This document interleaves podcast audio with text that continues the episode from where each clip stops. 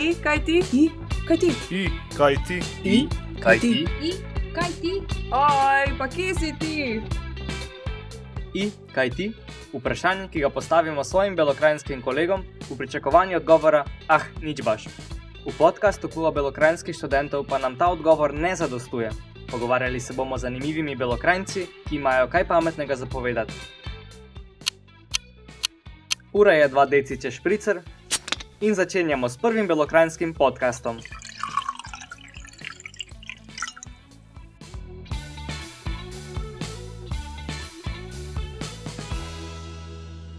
Lepo pozdravljeni vsi na prvem live snemanju prvega belokranskega podcasta. Jaz sem Blaž, sem voditelj tega podcasta. Z, mano snema še ponovadi David, ki je danes odsoten, ampak se je tukaj cela ekipa Črnfesta, pa še seveda vsi tukaj obiskovalci v velikem številu. Eh, Vse lepo pozdravljamo. Eh, Zdaj, kaj sploh je prvi belokranski podcast, imenuje se IKT. To je en tak pozdrav, ki ga rečeš svojim belokranskim kolegom, ko se niste že dolgo videli. Ponovadi odgovor, ah, nič baš ali pa evo me ali nekaj takega. No, na podkastu pa si mi ne želimo tega odgovora, a, želimo slišati malo več, kar nam naši gosti zapovedati.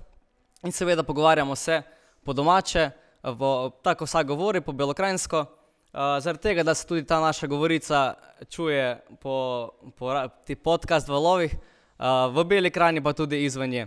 A, Tako da danes imamo eno lepo potopisno predavanje o Srednji Ameriki, z mano sta dva svetovna popotnika, uh, Jaka Vajs in pa Mateja Smrekar. Um, pa prvo vprašanje, I, kaj vidva? Ja, nič, na črnem festu. Tu švicamo. Malo švicate, ne? Da. Zaradi česa, zaradi ljudi. Tudi. A ni tako hudo. Um, torej, evo, še enkrat Jaka Vajs in Mateja Smrekar, svetovni potovalci. Uh, danes bomo spoznali države med Mehiko in Kolumbijo. Kje ste bili pa še kaj drugače pred tem? Šti povedala. Um, dost po Evropi, ampak na zadnje pred tem izletom v Vietnamu.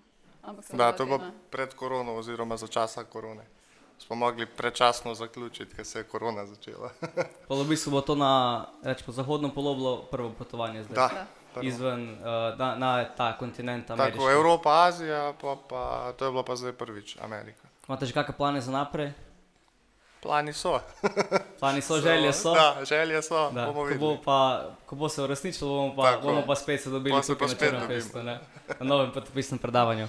Uh, vidva ste bili pet mesecev, 147 dni, če se spomnim, uh, v Srednji Ameriki, v državah Mehike, Gvatemale, uh, Hondurasa, Nikaragve, Kostarike, Paname in Kolumbije. Um, kako ste se sploh odpravili? Zakaj tam? Tam smo se v bistvu odpravili zaradi tega, ker v tem cajtu je bilo tam najmanj oziroma skoraj nič COVID restrikcij. Da. Zaradi tega smo zbrali Srednjo Ameriko, načeloma je bila pa prva, načeloma je bila pa prva želja Azija. Ampak, Ampak verjetno- Azija je bila pa pač, eh, imeli so še skos majo, dost eh, korona omejitev in zaradi tega smo se pač odločili za ta del sveta. Da. A, ste imeli kaj problemov zaradi uh, korone med potovanji pred, po? Niti ne, v bistvu. uh, ne, ni bilo no, v bistvu nobenih nekih jakih omejitev. Uh, enkrat smo mogli delati PCR test, ki je bil v bistvu tako vržen čez okno, zaradi tega, ker smo rezultate PCR testa dobili po treh minutah. Tako da pa znate, kak je bil test. Pa mislim, da smo en hitri test mogli delati, to je bilo pa to. Kako ste pa sploh začeli s potovanji? Je bila to želja že, že odprej ali ta eh, v srednji šoli, kaj takega vas je privabilo? Pa ja, v bistvu jaz sem po moje prvič tako začel malo o potovanjih razmišljati, ker je starejši brat tudi dosti potoval da. prej, pa me je mogoče to malo pritegnilo. Pa sem pa še Matejo povlekel samo. Da, mene je pa jaka, mi je predstavil te ideje o potovanjih. In pa ste šli. Ja. Evo, za pet mesecev. Kako se sploh lahko odpraviš, poleg šihta in vsega, kar se dogaja, za pet mesecev nekam v tujino po svetu? Matejo, boš ti povedala? Uh, jaz sem se dobro zmenila na šihtu, jaz sem dobila v bistvu kot nek suspens za pet mesecev uh, zaradi osebnih razlogov, tako da me je ših čakal, ko sem prišla nazaj. Uh, jaz sem dobil odpoved. Druge opcije ni bilo. Drugače ni šlo, ne, bila želja po, Tako. po Srednji Ameriki večja, Tako. bolj pomembnejša od šihta, če tako rečemo. Ja. Um, kak tip popotnika bi se pa opisali? Potujete, ki vas zanima hrana, eh, kultura ali neke kulturne znamenitosti ali, ali bolj narava? vse po malem. Da, radi imamo hrano, v bistvu smo jeli samo to, eh, ta street food, to poceni. Pa večinoma smo spali po hostlih, nekaj malega po Airbnb, odvisno kaj je bilo ceneje. Pa fulno zanima narava, tako da smo iskali naravne znamenitosti, pa tudi um, kulture nam je zanimivo videti. Da vidiš, kako ljudi na drugem koncu sveta živijo. Da. Pač, ne. V bistvu potuješ zaradi uh, tega skupka, zaradi, da si tako, svoje obzorje. ne? tako, Da, tako. da. da dobiš nek občutek, nek feeling, kak je na drugem koncu. A danes ste nam pripravili tudi eno lepo projekcijo z slikami svojega potovanja, pa zdaj bi vam pa eh, kar predal besedo, pa da malo sami dva več povedate. No, uh, hvala, tako že blažo omenil, smo Jaka in Mateja. Uh, in mi dva vam bova zdaj v naslednji uri probala predstaviti v sliki in besedi najno pot, ki nas je vodila, lahko vidite na zemljevidu, po državah, ki so označene rumeno. Torej, mi dva sva naše najno potovanje začela v Mehiki in smo ga nadaljevali skozi Srednjo Ameriko, skozi pet držav uh, ki niso tako turistično znane marsikdo v bistvu misli, da je, ko je Mehika, pod Mehiko ni več nič, da je Južna Amerika. Uh, ni tako, mi smo te države spoznali in pot zaključili še v Kolumbiji. Pot je trajala pa ja, cirka pet mesecev. Uh, prva država, kjer smo obisko, obiskali, je bila Mehika.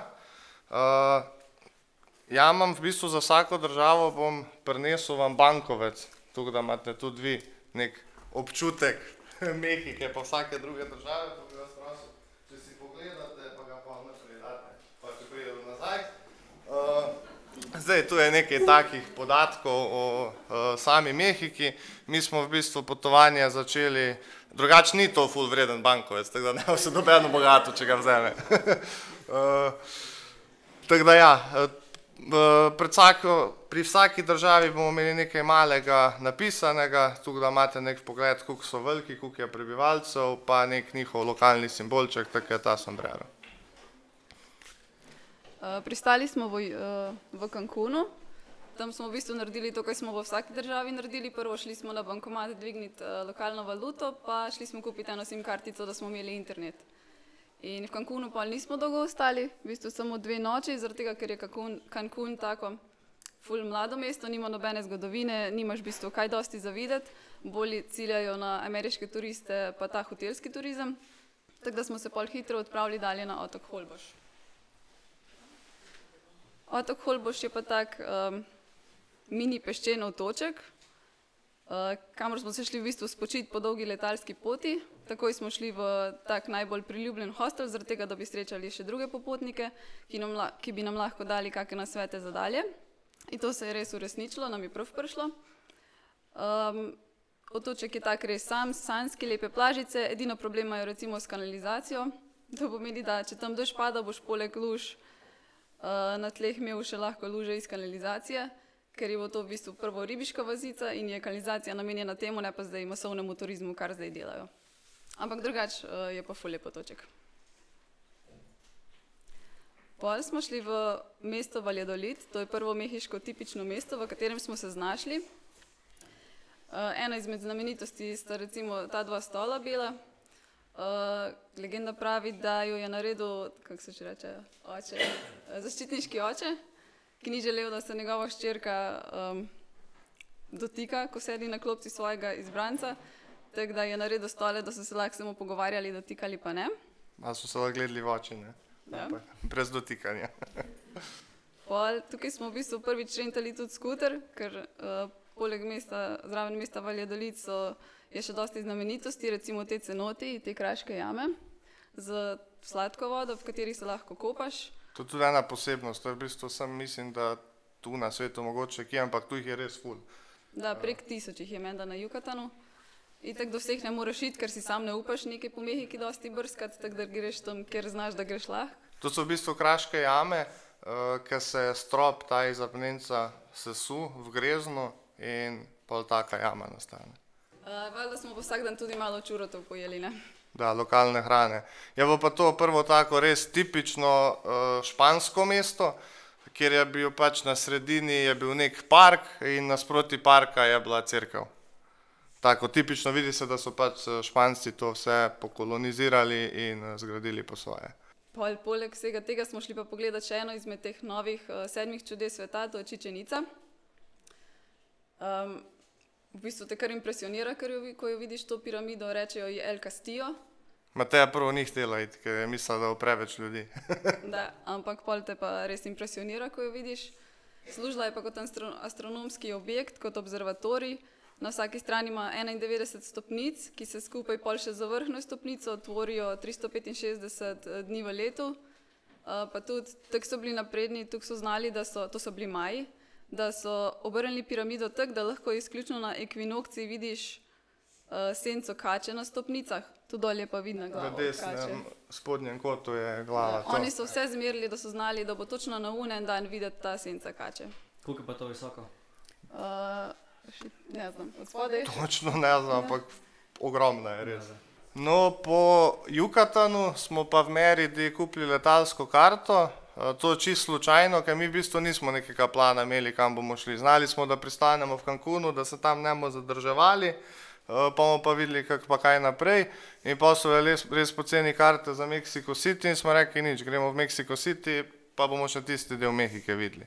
In pa smo preleteli v to mesto, to je ogromno mesto, to je ba- mogoče celo največje mesto na svetu, niti sami ne vejo, koliko jih je, cirka 22 milijonov. Že ko pristajaš z avionom, pa gledaš, eh, skoraj da ne vidiš konca, pa začetka tega mesta. Res je ogromno. Eh, Prva stvar, kjer smo naredili, je bila seveda, da smo šli na nogometni stadion Azteka.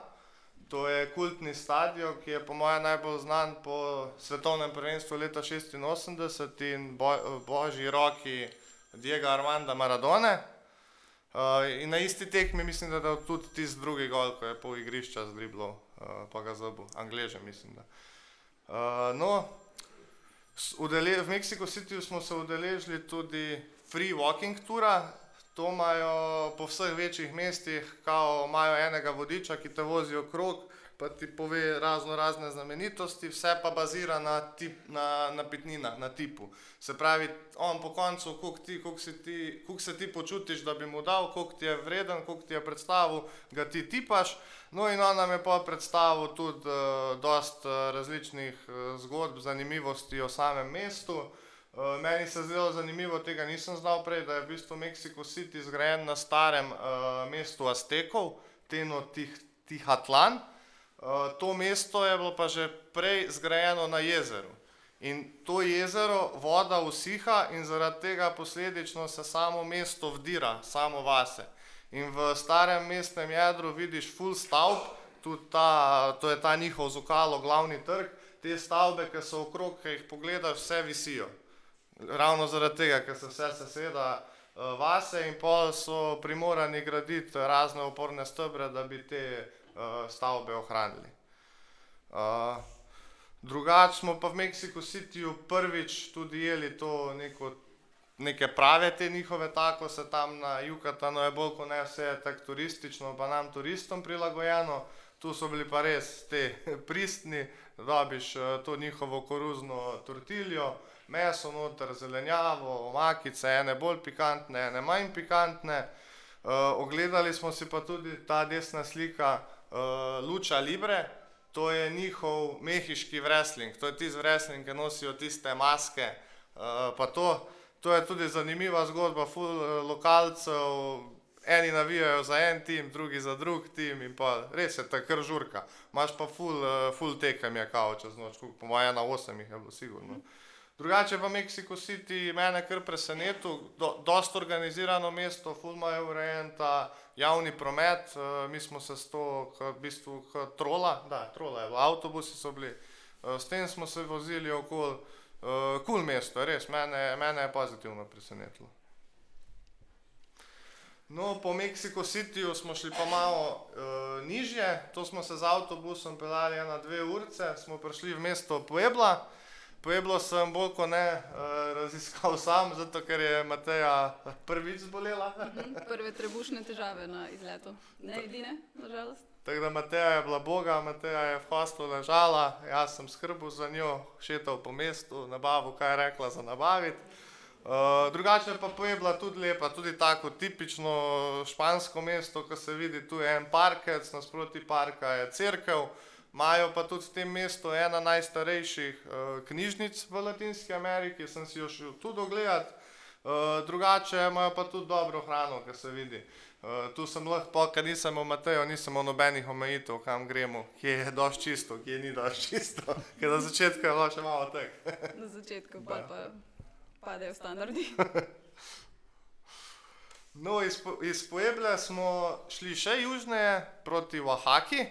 Uh, to je tudi zelo pomembno mesto. Uh, prebivalci Oaxake so zelo ponosni na Benita Juareza. To je bil predsednik Kolumbije od leta 852 pa naslednjih 20 let. Uh, kaj je zanimivo, je to, da je on bil prvi uh, predsednik, ki je bil v bistvu domorodec, se pravi, da je bil res tisti potomec uh, staroseljcev. Uh, in v mestu so zelo ponosni na njega. Uh, drugače pa tako lepo meste, mesto, barvite stavbe, tudi dosti varno, mislim, nam se ni zdelo nič, pos, nič posebnega, da je bilo nevarno. Sicer smo se, mi smo se ve- po večini mest smo se gibali sem po dnevi, po noči bolj kot ne se nismo. Razen če smo vprašali, ali so nam pa rekli, tu greš lahko, tu bolj malo pazi. Uh, Tako da drugače pa Oaxaca tudi ful eh, znana po svoji kulinariki. Med drugim imajo to tlajudo, kar vidite na desni strani. Oni rečejo temu tudi mehiška pica. To je v bistvu koruzna tortilja, polnjena z fižolom, eh, zeljem, eh, z razno raznim mesom, z njihovim sirom iz Oaxake. In pa je to, ta tortilja zaprta in pa je še popečena na njihovem grilu. Najverjet, na, ponavadi je na te, na uh, oglju, pa na rešetki. Drugače pa iz Oaxake tudi zvira meskal, uh, to ste najverjetneje že slišali, to je kot vrsta tekile. Uh, ne? Po Oaxaki smo pa prvič, uh, smo spet pač končno prišli do morja. Prvič smo videli Pacifik, za oba dva je bilo to prvič. Um, to je bilo pa tako surfersko mestece, kjer so, v bistvu so se vsi hodili učiti surfati, mi dva se nismo sicer, ampak smo bolj uživali, malo plavali. Bilo je tako tipično morsko mesto, tu si šel lahko tudi zvečer, ven ni bilo panike, vsi so hodili na večerice, na pijače. Pol smo šli pa še do tega slapa, tu smo tudi drugič rentali skuterja. Je bilo pa zanimivo zaradi tega, ker v Mehiki je bila res tisti čas ful turistična in tu smo bili prvi sami dva. Smo se dve ure po moje vozili po Makedamu, mimo konjev, mimo krav, eh, da smo prišli do tega slapa in da, tu smo bili res prvi. Treba omeniti, da, da Mehika takrat, tudi zdaj, ampak ona je bila za čas cele korone država, ki ni imela nobenih omejitev. Se pravi, rabo si, da prideš v državo, samo pasuš po domače povedano, nič drugega in zaradi tega je bilo tu res turisti iz celega sveta. Uh, je pa zanimivo, ko smo šli iz Oaxake v Puerto Escondido, smo šli na nočni bus. In nočni busi so načeloma malo triki v Mehiki, moraš res paziti, po katerih rutah, rutah greš. In mi smo za vsak slučaj pasuš pustili v velikem ruzaku od spodaj. Če pride ropar na avtobus, itak ne bo šel dol kabine, ampak bo pač prišel v kabino od avtobusa in bo ti tam vzel, kaj ti ima za vzeti. ne. In kar naenkrat na sred ceste se mi zbudimo, ja vidim policija. Oni gledajo pasuše.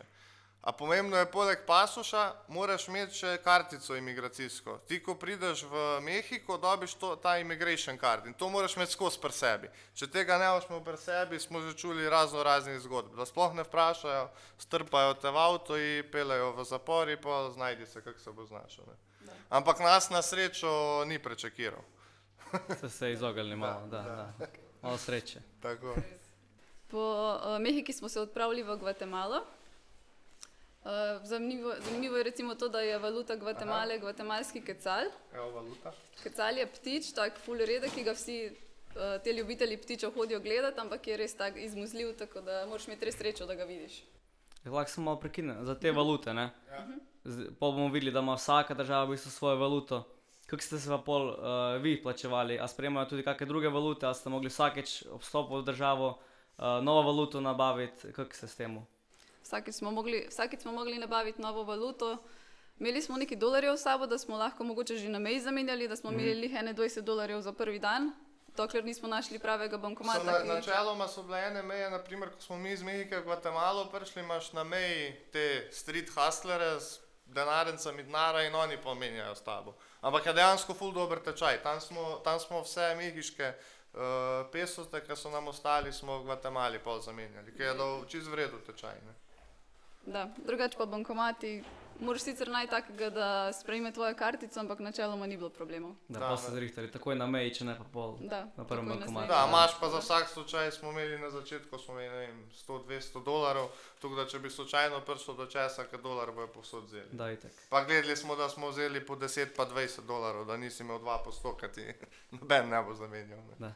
No, tu je še pot, kot smo mi, se pravi, mi smo iz San Cristobala, smo prišli v Gvatemalo, zdaj tu se vidi, koliko smo imeli časa. Ne.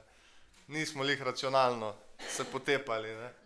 Ker smo skozi eh, si prišel na eno mesto, pa je rekel, ja, to se ti splača pogledati, pa si bo tam, pa rekel to, tako da smo pol nekako. Eh, Lutali naokoli.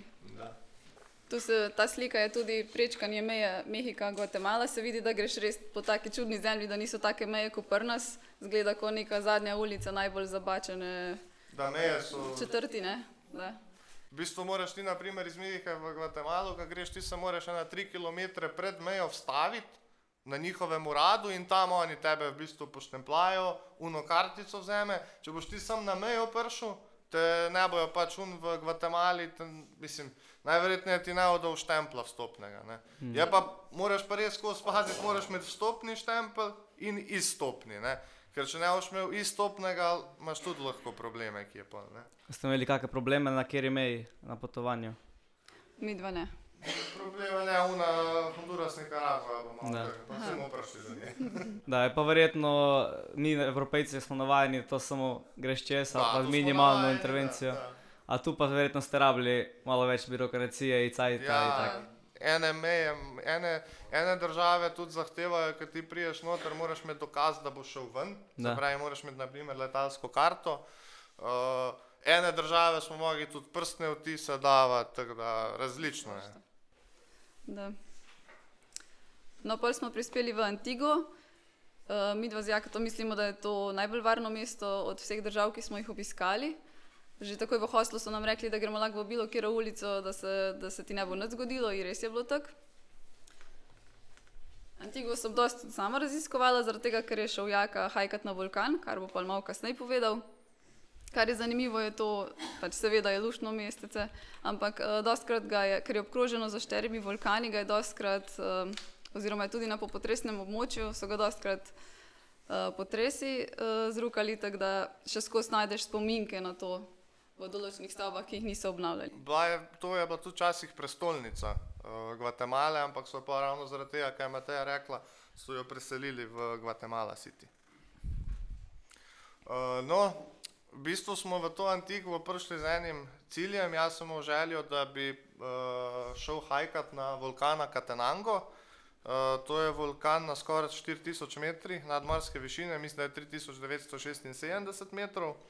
Jaz sem šel s to organizirano turo, ne vem, 15-20 skupini, štartali smo iz 1-2000 metrov, malo več, tako da smo dobrih Jurija pa pol nadmorske naredili v enem danu. Uh, pa smo imeli gor ta uh, bazni kamp, tu smo pa prespali, to so bile take koče, ki vidite, mislim, da nas je po 8 ali po 10 noč spalo, nič tako čist preprosto. Uh, so nam pa oni, pol, uh, imeli smo eno malco za sabo na poti, ker smo prišli gor, je bila večerja uh, in pol drug dan so nam tudi vjutro uh, zajtrk skuhali. Je bilo ful naporno. Mene je pač, ja, nisem, jaz se nisem nekaj posebej na to pripravljal, sem mislil, kaj je to, pet mirn gor. To bo vsak prišel gor, ne. Ampak je bilo kar uh, panika. Mene je, uh, problem je delalo to, ker je ful visoko, ne. Priješ skoraj na 4 jurja nadmorske in tam je kisik je ful redek in jaz ne vem, jaz sem na koncu že 3-4 korake naredil in pa sem 15 sekund dihal, pa, pa spet 4 korake, pa 15 sekund, ne. Dobro, da sem palce imel, eni frajeri so šli brez palc, kao, kao imam jaz s palcami, ne. Pa jim je bilo pa žal, ne, pa so pa neke veje tam iskali. So se pol namatrali, Da. nekako znašli.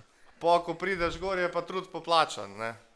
Uh, to, kot, mi smo plezali na vulkan Akatenango. To je aktiven vulkan, ampak ni imel izbruha že 40-50 let in načeloma ga tudi, mislim, se ne more znati, kdaj bo bil, ampak ni tako aktiven. Gledali smo pa ta vulkan, ki ga vidite na slikah, to je pa Fuego vulkan. Ta je pa aktiven konstantno, to je pa na 15 minut je erupcija. Lahko se malo dimi, lahko gre pa lave ven, tako kot vidite. In na začetku, ko smo prišli, je bilo malo oblačno gor, ga nismo videli, uh, pa so se pa počasi ti oblaki šli stran, razblinili uh, in pa sem imel take razglede. Pač pa smo po noči, vem, do polnoči smo po moje gledali, tu smo malo kakšne pivice pa to imeli in gledali vulkani in uživali. Uh, po je pa naslednje jutro, so pa tudi nori razgledi, uh, sončni vzhod, gledaš proti vulkanu, in pol je pot dol, tudi uživaš, uh, ko gledaš to dolino, res so lepi prizori. Je pa zanimivo, je bilo, mi smo imeli ful dobre tri vodiče, so res frajeri pravi. Oni, oni so rekli, da oni grejo včasih po dvakrat ali pa trikrat na dan gor. Oni pridejo uno, mi smo rabili cel dan, on ti pride v eni uri bo prišel gor. Dol je en rekel, da ima rekord 15 minut je prišel dol. Samo ravno po bregu. Da, ne, oni, oni letijo, oni skačejo, ampak to je uno. Oni so bili tri, ne, in pa litek nismo imeli vsi istega tempa, eni so bili jači, Da, da, eni manj. In pa so en je skozi, naprimer, skakal, je prišel do zadnje skupine pogledati, pa je rekel, ok, enemu svojemu ti boš bil tu, pa je skakal do drugega, ok, to je to, vse je imel na broju, ne. In pa, ko smo šli dol tudi, to kar letijo, to skačejo, če se dol. Tak je res. In pa sem tega vprašal Brendona, sem rekel, kaj zdaj, uh, imaš še kako turo? Prej ne, ne, danes nimam, danes grem fuzbal igrati, jutri pa imam še eno turo. Tako dobro. Malo da se spočije. Uh, no, pol po Akatenangu tu smo rabili malo počitka, predvsem ja, uh, smo šli na Pacifik spet, uh, ker se nam je že perto eskondido, smo ugotovili, da smo najrajši na morju uh, in smo šli v tako malo ribiško mestece El Paredon, uh, tudi ful malo turistov, v glavnem domačini, dosti mladine, uh, surfa, tudi imaš par surferskih šol, Mislim, da je tu bil en hostel. Ne. Mi smo našli en Airbnb, smo živeli pri enem Šonu, en američan, okrog 60 let star, on je tu že 21 let, se je preselil sem, je kupil zemljo in je postavil eno hišo. Uh, ta čist desna slika je naprimer prizor iz njegovega balkona. Kaj je zanimivo, je, to je pokopališče, kar se vidi, ne? Naprej je pa ocean. Zdaj je zanimiva zgodba, zdaj je on lih tu kupil parcelo. Je rekel, da prvega reda do morja ni hotel imeti, ker ga je bilo pač strah, ker zna, da se bo mesto razvilo in pa bojo žurke, vmazanija, hrup. Je rekel, bom ja iza pokopališča imel, ker tu mi pa sigurno ne bo noben grad čez, ne? tako da bomo skozi razgled na morje. Uh, drugače pa da, tako, taka lepa vasica, skoraj da ni, mislim, da je una glavna cesta je betonirana, drugo je vse uh, pesek. Uh, ful dobra hrana, uh, poceni, dosti je te morske hrane, ki so zraven morja. Uh, Doskrat smo pa hodili tudi k eni teti, to je ta prva slika, ki smo to neko čorbico jeli. To je ena teta, ona skuha v ta velik lonec in pol prodaja. In to je po, po mojem evro popolna oseba. Da, prav v njeni restauraciji se reče komida ekonomika. Da, komida je hrana, ekonomika poceni. Uh, ta zadnja slika je, pa smo šli pa supat po teh mangrovih, eh, ker te mangrovi se iztekajo v ocean. To ima ta šon, ima tudi eh, supe in pol nas je na eno furo pelo. Pa to je njegov pes, Zigi, legenda. Pol smo šli pa na jezero Atitlan, Lago de Atitlan, kjer je okoli jezera polno malih vasic in z njimi se do vasic ne prideš z avtom, ampak prideš kar z ladico. In tle na sliki lahko vidimo, da sedijo poleg mene še par domačink. Uh, v Gvatemali še skos, je še skozi 60% teh domorodcev oziroma starocelcev, tako da je, imajo še skozi ta malo starinski um, način življenja. Punce sploh recimo grejo iz šole že dokaj kmali, ne, fanti so malo dlje v šoli, tudi popoldan imajo fanti malo več luksusa, da grejo lahko recimo še skozi surfat, medtem ko morajo punce že ful kmali pomagati mamicam. Pa tudi uh, videti je, da so še skozi oblečeni v, te, v ta njihova tradicionalna oblačila, medtem ko so fantki uh, oblečeni bolj kot mi. Fanti so normalno oblečeni. Ja. Da. Je pa to jezero vulkanskega izvora, okoli so tri vulkani, res je lepo. Uh, imeli smo tak, mislim, da smo bili tu drugič v Airbnb, ampak le smo si prvič malo privoščili, da smo imeli malo lepši razgled. Pa recimo zanimiva je bila še ta trgovinica. Da smo prišli do nje, smo mogli nek, preko enega hriba hoditi v drugo vas, je pa kot da si prišel tej teti v bistvu v dnevno sobo, imela je nekaj sadja, pa zelenjave, pa tuno, pa makarone, to je bilo pa kot ne to. Je pa to najglobje jezero tu v tej Latinski Ameriki. Uh, mislim, da prije tam dobrih 300 metrov globine. Tako da. Temperatura je topla. Uh, Da. je, mislim, Pacifik je topel. Ne vem, po mojem je sigurno 24-25. Da. Atitlan pa ta je bil mogoče malo hladnejši, ampak 21 je imel. Pa to jezero je zanimivo zaradi tega, ker, glih zaradi tega, ker je vulkanskega izvora, lahko varira temperatura iz, po, če se greš po noči kopati ali pa po dani 10 stopinj. Ne znam razložiti tega pojava, ampak zanimivo. Ker imajo kakšne te vrelce toplotne tudi. Uh, tu ne, tu jih nismo videli, v Ja. Kostariki so Aha. bili. Aha. Španščina povsod. Vse smo Bomo- začeli, še druga država. tako Da, da, bomo prišli do tam. Uh, pa smo šli pa še v Semuk Šampej. Meni zgleda malo kot hrvaške plitvice, bilo je fulušno, sred džungle. Še ko smo prišli do baze, recimo do najbližjega mesta, nas je pol jeep vozil 45 minut v džunglo, da smo prišli do tega, pa smo par dni pol tlebli, se malo kopali v teh um, rekah.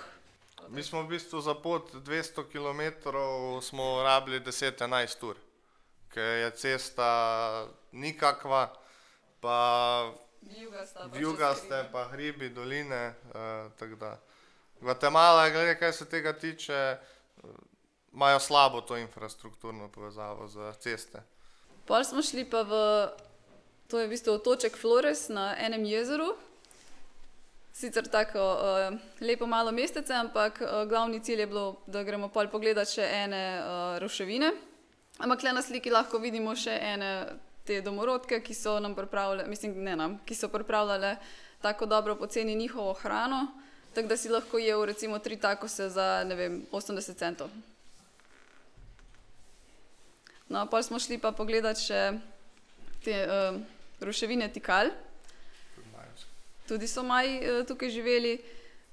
Zdaj, prčičenici te ta El Castillo impresionirate, tlete pa impresionira to celo najdišče, zaradi tega, ker je tu živelo v najboljših časih med 50 tisoč in 100 tisoč ljudi. Arheologi se nagibajo k višji cifri. Zanimivo je, ker je še skozi full piramid neizkopanih. To vse je bilo v bistvu enkrat prekrito z gozdom, tako da so malo po malo počistili te piramide, da so prišle ven take, kot so. Mm, zanimivo je še, da razlog, zakaj so mogli sčasoma zapustiti to naselje, da se je zgodilo to, kar se v bistvu dogaja tudi zdaj, da so zaradi suše, pa zaradi tega, ker so oni posekali čisto cel gost, niso mogli več uh, se prehraniti pač celega mesta in sčasoma so se izselili iz tle. In ta naš vodič je bil tudi uh, potomec Majev, je rekel, da se mu zdi, da je vse ciklično, da se to dogaja tudi njim zdaj v Gvatemali. Če se je njegov dedek lahko še ukvarjal z kmetijstvom, so se mogli njegovi vnuki že najti nove panoge, se večinoma vsi ukvarjajo s turizmom. En vozi avtobus, on recimo je vodič v, v, pri teh ruševinah. Je pa zanimivo še to, da so to pred manj kot 200 leti odkrili, ne? 1848. Ker je sredi džungle. Da. Pa dosti je pa še neodkritega, ampak tudi ne smejo razkrivati, ker jim UNESCO ne dovoli. Tako da hodiš pa misliš, da je nek hrib zraven, v bistvu ni hrib, je piramida, ampak je še skozi zemlja, čez pa pod zemljo. ne. So še kje mogoče da te domačini, prav potomci indi, uh, teh indijancev, majo, Da, živijo da. posebej ali je to vse pomešano z temi v bistvu španskimi? Uh, Mislim, živijo skupaj, živijo posebej, ampak vidiš jim takoj na faci, da, Da, da so potomci takoj je Majev. razlika, Da. opazi. Takoj Majev- vidiš nekoga, ki je da. potomec Špancev ali pa potomec Majev. imajo oni kak svoj jezik še ali vsi špansko? Imajo svojega. ne? Da, in ful imajo dialektov. Taki, um, v bistvu je tudi že nima umešanice španščine, ampak jo je ful zanimivo poslušati. Vse, vse države imajo pač svoj dialekt. eh.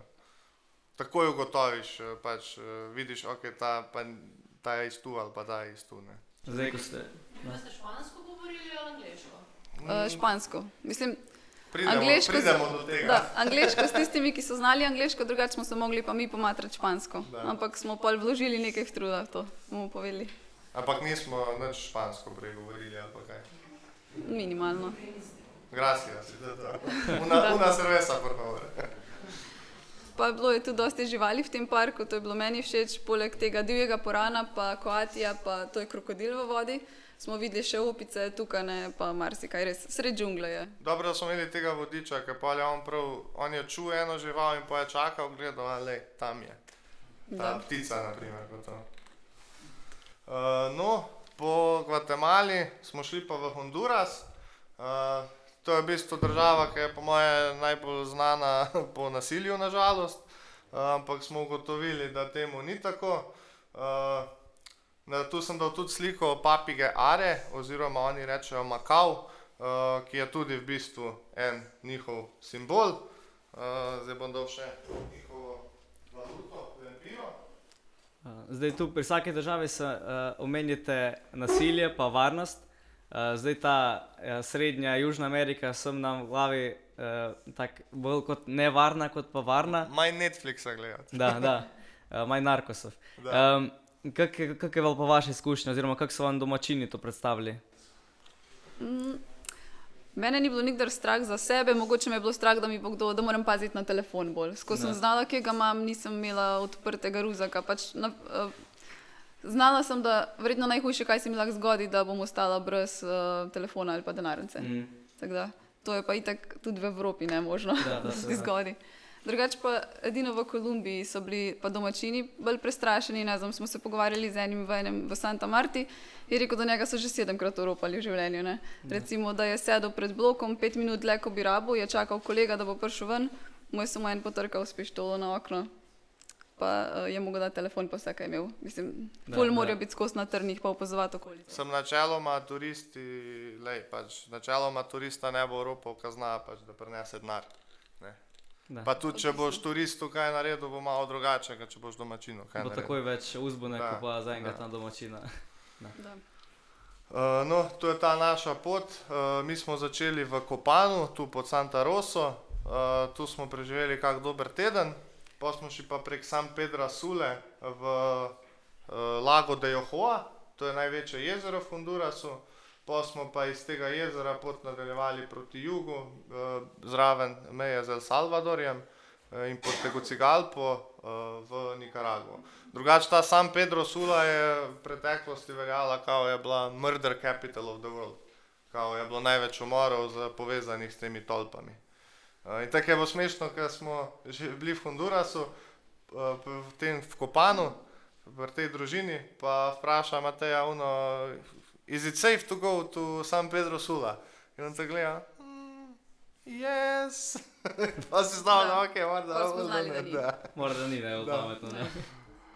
Uh, drugače, da, tako smo rekli, prvo smo šli v mesto Kopan, oziroma Kopan Ruinas. Uh, gre za tako malo mestece, ful lepo, uh, ljudi prijazni, ampak se je pa tu že opazila tista razlika od Mehika, Gvatemala. Tu so bili ljudje že malo, ne bom rekel, nesramni, malo so bili bolj zaprti. Pa zanimivo je bilo to, da ti kot turist, da ga nisi nekaj posebej zanimal. Pač, V Gvatemali so bili vsi fejn prijazni, so ti vsak te pozdravil na ulici, res prav najbolj prijazen narod. Vse tle so bili tudi prijazni. da, ampak Samo niso bili tak, tako, um.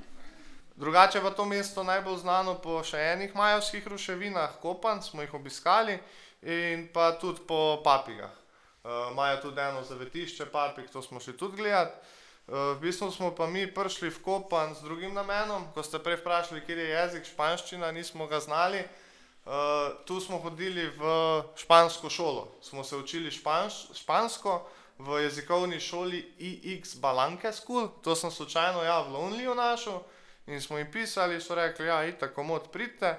Uh, tu smo imeli se pravi vsak dan od ponedeljka do petka, en teden smo bili od 8 do 12, ena na ena učenje španščine, vsak je imel svojega učitelja oziroma učiteljico in samo špansko smo se pogovarjali. Če si kaj po angliško, si bo takoj Krigan. Kregan, da, solo je spanjol. Uh, kar je bilo pa še ful zanimivo, pa ful dobra izkušnja, je, da smo v sklopu te šole smo mi živeli pri domačinih. Tu na desni sliki je Don Tito, oziroma Hektor, on je bil glava družine, eh, njegova žena Donja Elda nam je vsak dan kuhala, eh, zajtrk, kosilo, večerjo. Mi smo bili, mislim, da od sobote do sobote, pa njih en teden, šola je bila od ponedeljka do petka. Uh, vsak dan smo jeli nekaj drugega, domačega, pa res prehudo pripravljeno. Tako da sem se samo načudil, odkot vse to znaš. Si se kaj zredil za cajt? Ne, nismo se zredili, ne. se nismo. Veš kaj, bila je ta uh, šola je bila v dolini, mi smo pa v enem hribu bili. In pa smo vsak dan v hrib hodili. Pa si malo športa, še fizkulture da, še zraven. da. Da. Uh, Bili so taka biznis familija, uh, sin je bil arhitekt, je imel Svoj posel, biro, ja. pa še hčerka je tudi, um, ne znam, je pa printala na šalce stvari, pa na majice, Mm. pa prodajala po celem Hondurasu. za te pa Da, kaj tako da so bili vsi taki. On pa, on pa drugače turiste vozi naokoli v svojem šatlu, v tem In avtobusu. to smo imeli tudi srečo, mi smo pa šli v ta lago do Johoa in pa on vpraša nas, kam greste, prejmo v ta lago, kak so avtobusi, kam pač moramo iti pa to. Prej pa ja grem v lago, ja imam eno skupino, jih pelem, kao bom še vas zategnil. Vse je res pravi da, vse je majka, evo. In pa nas je on odpeljal. Kaj so na vas gledali kot slovenci? V Hondurasu sem bil presenečen, so dost poznali Slovenijo. Najprej so uno so rekli Slovenija, aha, so rekli Russia, Soviet Union, smo rekli ne na Jugoslavijo in pa so znali takoj, pa so vse države v Jugoslaviji našteli, Titota so poznali, to starejši. Mladina, mladina ni znala. Uh, tako da sem bil dost, uh, dost presenečen nad tem. Ful, te starejši so se ful hteli pogovarjati uh, v Hondurasu. Ko si bil na avtobusu, pa to so prišli k tebi. Uh, Da. mislim, mi smo znali špansko pač tako osnovno. Razu razumeli smo dost. Uh, sem nimaš pa tega uh, manjkati Manjka besed, besednega ne, da. zaklada. Ne? To je. Uh, no, pa smo šli bolj v notranjost Hondurasa, v ta Lago de Johoa, uh, največje jezero. Uh, tu je tudi zanimivo, uh, kaj imaš full aktivnosti okrog jezera. Mi smo, naprimer, en dan smo rentali kajake, pa smo šli po jezeru, pol en dan smo šli malo hajka, tam je ena finka, bila v bližini, smo šli na en hrib. Finka je kmetija. Da, finka je kmetija. Uh, smo šli na en hrib, uh, tam smo se tudi v, enem, v eni full mrzli rekici kopali, moja ni imela več kot 17 stopinj, ampak fu je bilo vroče meni, zaradi tega. Uh, Potem smo šli pa ta slab, Pulha Pansak, uh, je tudi uh, ful lep slab, na vrhu smo se tudi kopali. Uh, je pa on, on je malo bolj oddaljen od uh, te naše nastanitve, kjer smo bili, tako da smo mogli s temi avtobusi se furati. Uh, te lokalni avtobusi so pa že sami po sebi dogodivščina, ki priješ not. Ne. On uh, stoji tam, on bo krenil, ko bo poln, prej ne bo šel. Uh, en vozi, en je zraven, ki pobira denar, pa se dere skozi, v katero smer gre, pa prihajajo vsako jaki noter, pridejo pa prodavajo vse stvari, ni da ni. Da, sladko, slano, pijače, sladoled. Kaj češ? Ne znaš, koliko boš plačal, znaš, da ne bo drago. Znaš, da boš plačal več kot domačin, ampak minimalno Da. več. Malo te, vsakega turista Malo carinijo. Da, ampak jim niti ne zameriš, ker gre za razliko 10 centov. Da, ampak to govorimo tako, da ne vem. Da. On bi plačal 50 centov, ti pa 80 ali pa 1 evro. ne. Tako da tu ni bilo neke panike. To je recimo primer te klasične honduraške hrane. Pri vsakem obroku dobiš ponovadi uh, ta kos sira zraven, pol je ta pasta iz fižola, pa, pa so zraven še plantane, banane, jajca, pa še kako meso. Tako da to je klasično, pa stane tam okoli 2 evra, 3 evra. Plantane so te zelene banane. Ne? To ni v bistvu navadna banana, to je druga banana, ni to zdaj nezrela naša banana. Ne? Na Prna so te banane bolj kot sadje, ne, ki ga lupiš poješ. Tako, tako. Če že kako sladico, po svetu se pa full banane jejo te plantane, uh Mhm. -huh. na plantains reče oni. Um, in v bistvu z njimi kuhajo, ni da nekaj dela. Da. Pač ko- ko Sestavni bi-. Ko bi rekel, če bo paprika, Da, pač da, taka da. sestavina. so. Ali pa krompir. Da, da. Pol uh, niso glih okolju prijazni, ne? recimo za pit dosti kar dobiš kar v teh vrečkicah. Pa nasploh v teh državah opaziš full smetje, da leži ob cesti in moraš to kar malo zažmati, da te ne boli. Pa še Jaka je šel prvič k frizerju po dveh mesecih. Škoda, ki nimamo slike, kak je Z bil namenom potem. nijamo slike, si rekla.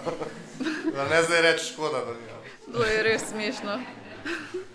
Ob strani ga je obril, pa mu pa sem vse zalimal dol, pa sem ga to popravil doma. Ma- Mateja je še preden je majster zaključil, je šla ven iz salona, ki je bilo Nisem, sram. nisem se htela smejati pred njim. To me vprašajo, dobro, ta bolj stari, gremo ven. Bilo je pa tri evre, Da. poceni, vsaj to. To je bila prva epizoda z Jakatom in Matejo o Srednji Ameriki. Zdaj pa hitro klikni na drugo pa se vidimo tam. Hvala, da si poslušal naš podcast, pa se čujemo še kaj naslednji mesec. Ajde, bog.